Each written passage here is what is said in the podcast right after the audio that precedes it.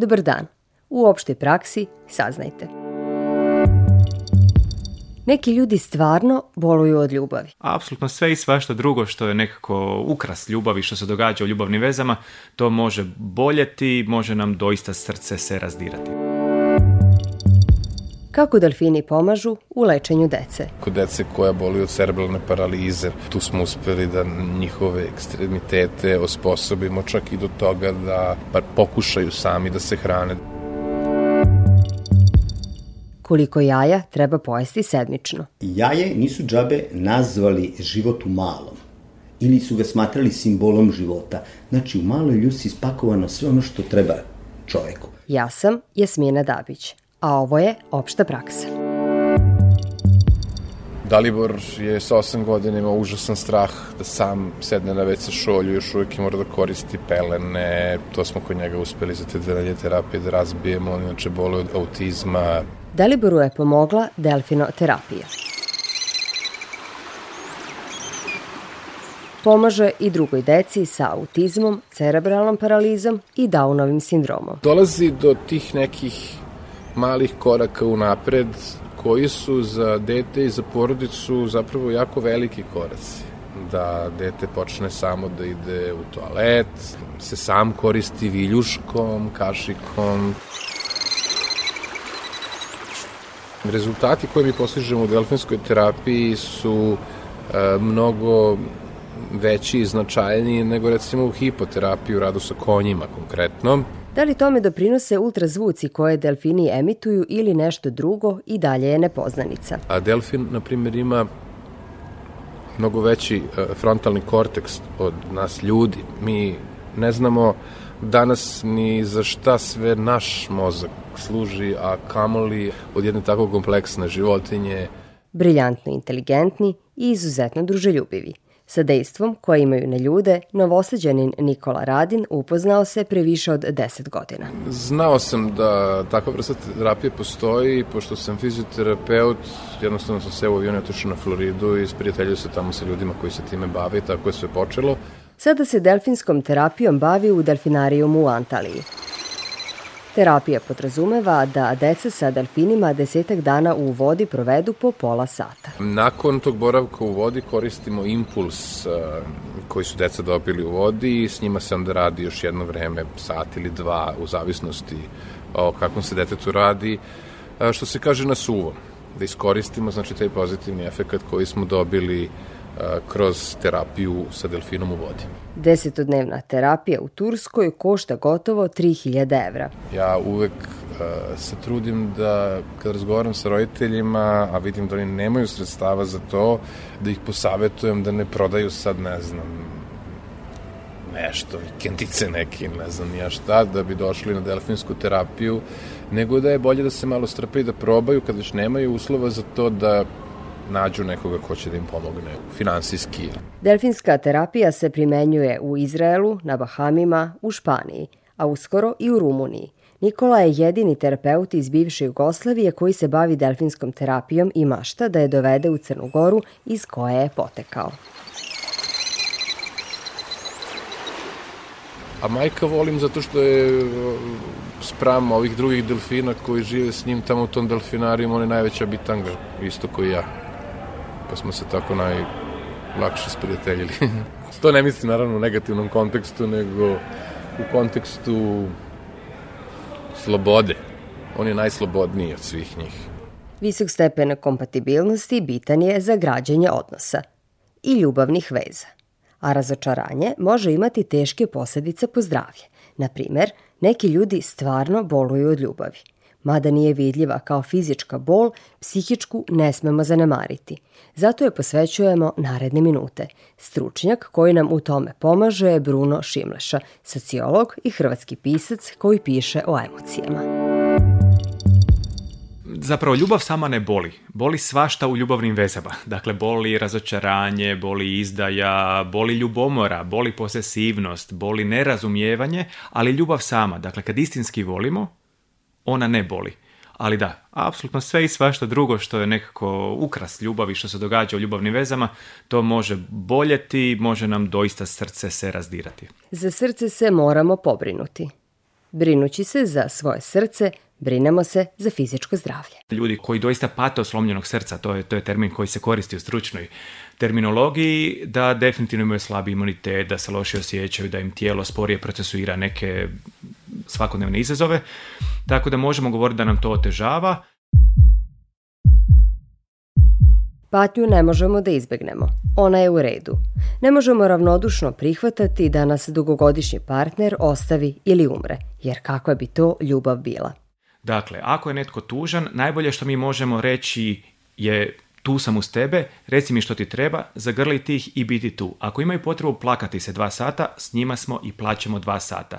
Ne tapšamo ih po ramenu, ono, ej stari, bit će sve u redu, samo ti digni glavu, misli na posao, misli na djecu. Dakle, sve to osobe koje imaju potrebu izraziti snažne emocije osjećaju kao pritisak, ima negativan utjecaj i tako ne pokazujemo niti razumijevanje, niti prihvaćanje njih samih. Tuga ima rok trajanja. Na početku može izgledati dramatično. Prate neraspoloženje, plačljivost, nesenica, gubitak apetita. Vremenom gubi na intenzitetu i završava se. Ako traje jako, jako dugo, ako pođe u samosažaljenje, ako postoji prijetnja samome sebi naravno, ako im taj osjećaj patnje pruža takav osjećaj identiteta da zapravo se ne žele toga odreći jer im je to postalo onaj glavni vizura kroz koji se vide, ako nekako misle da bi samim tim što im je bolje možda izdali osobu koju su izgubili. Jer neki ljudi imaju dojam da su na neki način dužni odreći se dijela svog života jer je neko njihov voljeni izgubio život, ali zapravo u tim situacijama definitivno treba potražiti stručnu pomoć da im se zapravo objasni da bi njihovi voljeni sigurno htjeli da oni nastave živjeti. Prolaz do karaktera je i zaljubljenost. Prema nekim tvrdnjama može trajati godinu, dve, tri. Dragu osobu ne uspevamo da izbacimo iz glave. Hormon stresa skače, pa ne možemo da spavamo, ne možemo ni da jedemo. Neki ljudi nemaju samo leptiriće, imaju i dinosaure u želucu i potpuno su opterećeni time. E, ja nisam skeptičan prema osjećaju zaljubljenosti u smislu da treba uživati u njemu, treba, dakle, u našim odraslim životima gdje smo mi toliko rastegnuti između svih mogućih obaveza, odgovornosti i tisuću stvari koje radimo u toku dana, osjećaj zaljubljenosti može revitalizirati naše tijelo e, zato što nam daje osjećaj da je sve moguće. Problem je što tada ne prosuđujemo racionalno. Skloni smo idealizaciji, skloni smo selektivnoj percepciji, skloni smo vidjeti ono što želimo vidjeti u objektu ljubavi, tako da ne vjerat svojim zaključcima, jer što manje vjerujete zaključcima, to će lakše, brže stvarnost doći na vidjelo. A tada nastupa odljubljivanje. Neki parovi shvate da zaista nisu jedno za drugo i raskidaju. Neki ostaju sa ljudima koji ih ne zaslužuju jer im se tuga zbog raskida čini nepodnošljivo. Da mislim da neki toksični odnosi će lošije utjecati na mene i moje fizičko zdravlje od lošije prehrane. Dakle, nemam ništa protiv zdrave prehrane, nemam ništa protiv kretanja, ali imam dosta protiv toga da stojimo na mjestu u nekim lošim toksičnim odnosima jer će se to na kraju ipak manifestirati na našem tijelu. Život je komplikovan a put do uspešnog života ne može se svesti na nekoliko koraka. Bruno međutim predlaže nekoliko faktora ključnih za građenje kvalitetne ljubavne veze. Prvi je kompatibilnost partnera. Dakle, ako ja mislim da se treba stalno rasti, razvijati i učiti o sebi, a ona ima stav, a ja sam takva kako jesam, fučka mi se, mi ćemo vjerojatno se razvijati u različitim smjerovima. Ako sam ja vjernik, a moja supruga smatra da su vjernici ovce, imamo problema, jer nećemo imati ni poštovanje, ni razumijevanje koje je zapravo potrebno.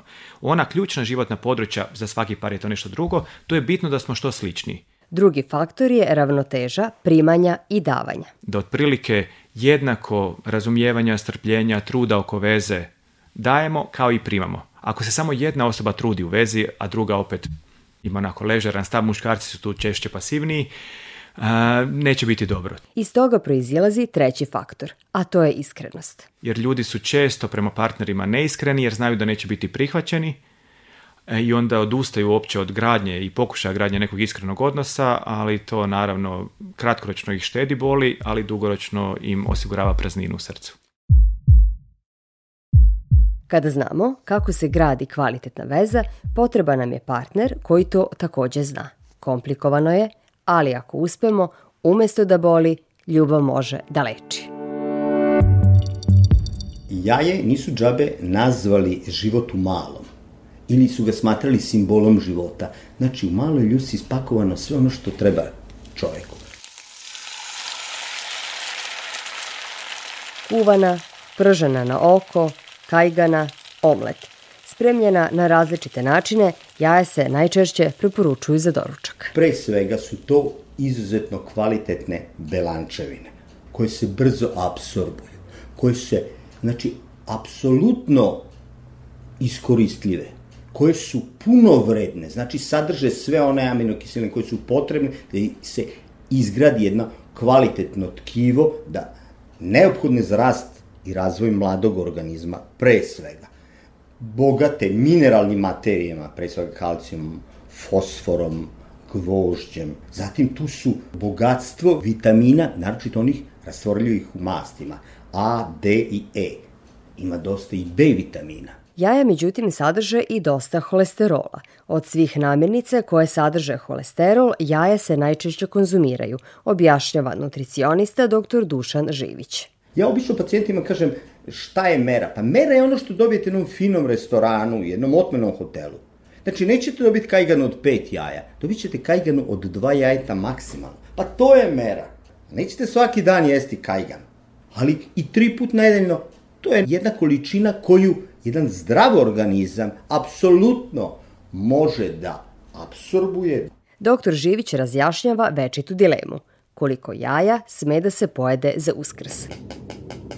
kaže naš narod, nije svaki dan badnji dan i nije svaki dan uskrs. Znate, ne znam nikog ko je nadrljao zato što je poljo koje jaje više za uskrs. Ali nije uskrs i sutra i preko sutra i svaki dan.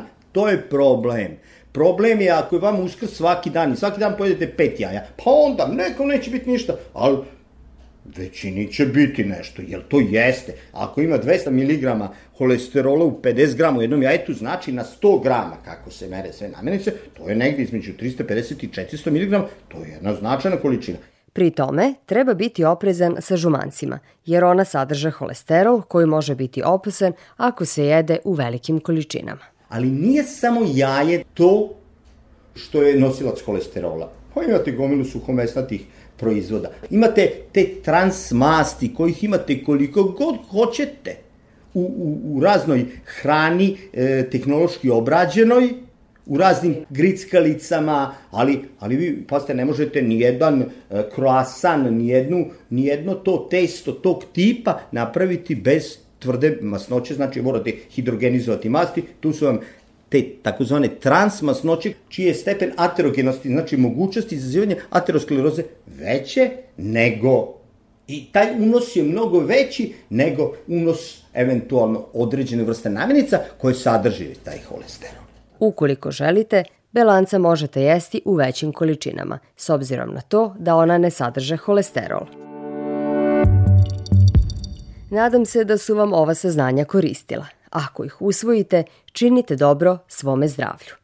Nove teme čekaju vas u opšte praksi i sljedećeg četvrtka u 12.15 na Radio Novom Sadu i odloženo na sajtu rtv.rs. Pozdravlja vas Jasmina Dabić.